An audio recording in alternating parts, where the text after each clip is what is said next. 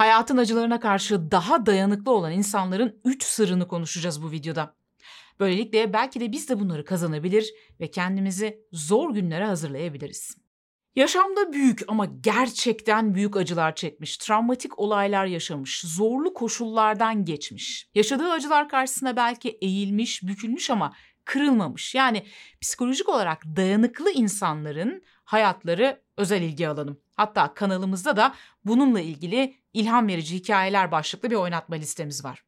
Aslında asıl ilgi alanım bu kişilerin kişisel özellikleri, bakış açıları, alışkanlıkları, hayatı nasıl algıladıkları.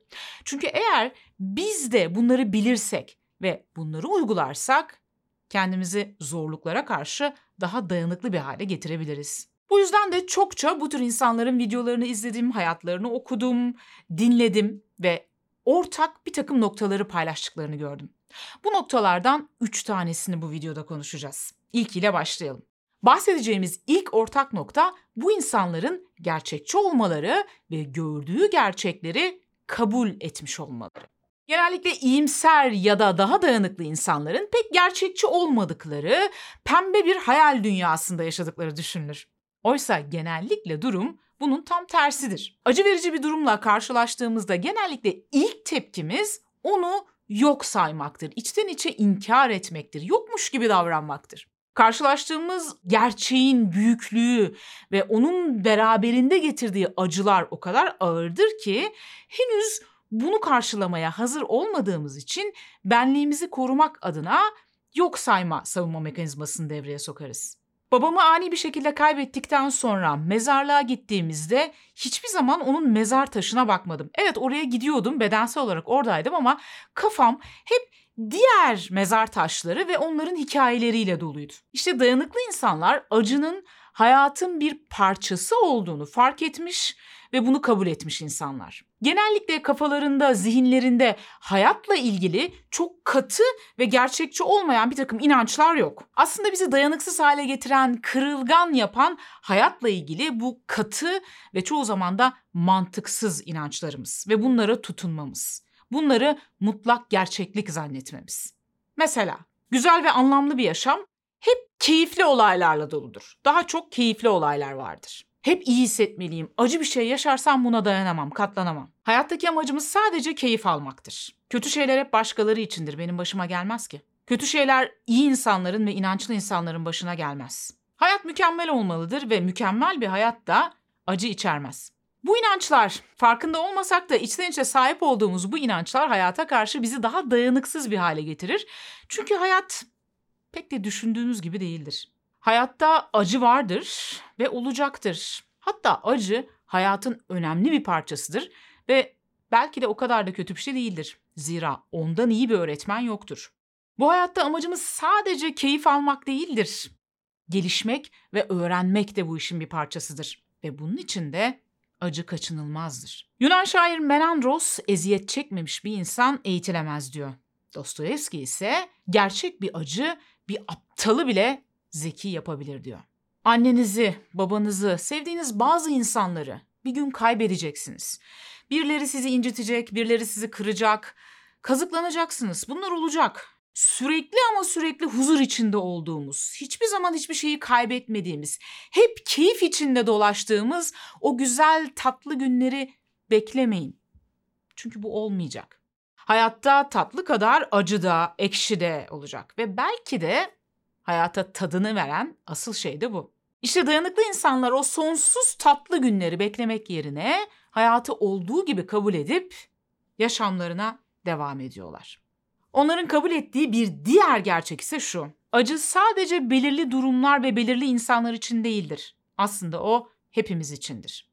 Bu yüzden de başlarına gerçekten acı verici büyük bir olay geldiğinde neden ben? Nasıl olur da benim başıma böyle bir şey gelir? Pek demiyorlar. Çünkü acının herkes için her an olabileceğinin farkındalar. Yani hayata karşı katı bir tutuma değil, daha esnek bir tutuma sahipler. Bu da onları daha güçlü yapıyor. Tıpkı bambular gibi. Rüzgarla eğilen ama kırılmayan bambular gibi. İnşaat alanında yapılan çalışmalar özellikle basınca karşı ve yük taşıma kapasitesi açısından bambuların beton ve çeliğe göre çok daha dayanıklı olduğunu gösteriyor. Bambuya bu dayanıklılığı veren şey aslında onun esnekliği. Yine bir Japon atasözü esneyen bambu direnen meşeden daha kuvvetlidir der. Benzer bir durum bizim psikolojik sağlığımız için de geçerli. Esneyen kişiler daha dayanıklılar. Tabii dayanıklı deyince yanlış anlaşılmasın. Yani dayanıklılık demek üzülmemek, işte hiç üzülmemek, hiç ağlamamak, efendim hiç kaygılanmamak demek değil. Dayanıklılık aslında başından beri verdiğimiz o örnek gibi. Yani bambu olmak gibi. Dayanıklı insanlar da üzülüyorlar, kaygılanıyorlar, öfkeleniyorlar, motivasyonları düşüyor. Ancak bu onları kıramıyor. Yaşamdaki bir takım zorlu tecrübeleri minimum zararla atlatıp yollarına devam ediyorlar. İkinci ortak nokta anlam bulmak ve akışta olmak. Nietzsche'nin harika sözü nedeni olan insan hemen her nasıla katlanır. Bu maddenin özeti gibi aslında. Yaşamak için, sabahları yataktan kalkmak için bir neden, bir anlam bulan kişiler, hayatlarında bir amacı olan kişiler buna tutunarak yaşamın yollarına çıkardığı zorluklara karşı daha güçlü kalabiliyorlar.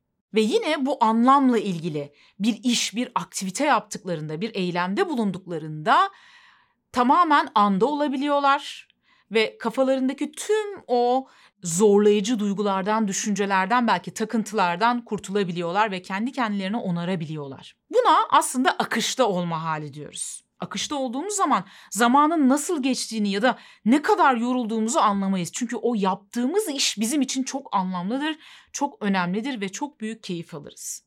İşte bizi akışta tutan bir işimiz ya da bir aktivitemiz, düzenli bir takım eylemlerimiz varsa bu bizi psikolojik olarak çok daha dayanıklı bir hale getiriyor. Ve bir diğer özellik bu kişilerin daha çok kontrol alanlarına odaklı olmaları. Dayanıklı insanların bir diğer özelliği onları kurtarmaları için birilerini ya da mükemmel koşulları beklememeleri. Var olan durumu kabul ediyorlar ve bu durumda neleri değiştirebilirim, neleri değiştiremem? Peki değiştirebileceğim şeylerle ilgili neler yapabilirim? Bunun üzerine kafa yorup daha çok ardından da harekete geçmeleri. Biliyorsunuz yaşamda direkt olarak değiştirebileceğimiz unsurların bulunduğu alana kontrol alanı diyorduk.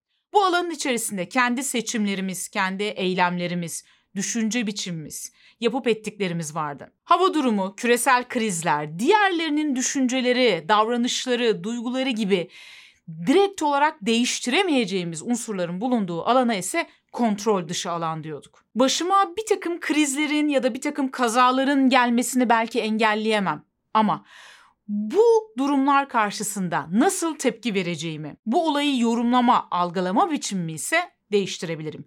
Yani başıma bir şeylerin gelmesi belki kontrol dışı alanda ancak başıma gelen bu şeyle ne yapacağım, buna nasıl tepki vereceğim ise kontrol alanımda. İşte dayanıklı insanlar sürekli kontrol dışı alana odaklanıp şikayetlenmek, söylenmek ya da kendilerine acımak yerine kendi kontrol alanlarına odaklanıp bu olayın onlara kattıkları ve öğrendikleri dersleri de yanına alıp neler yapabileceklerine bakıyorlar. Yaşamın zorluklarına, acılara, zorlayıcı duygulara karşı daha dayanıklı olabilmek için size yardımcı olabilecek bedensel ve zihinsel teknikleri merak ediyorsanız doğru kanaldasınız. Bu kanalda bununla ilgili yüzlerce video bulabilirsiniz. Bunun için hemen kanalda oynatma listeleri bölümüne gidip ilgili oynatma listesindeki videoları izleyebilirsiniz.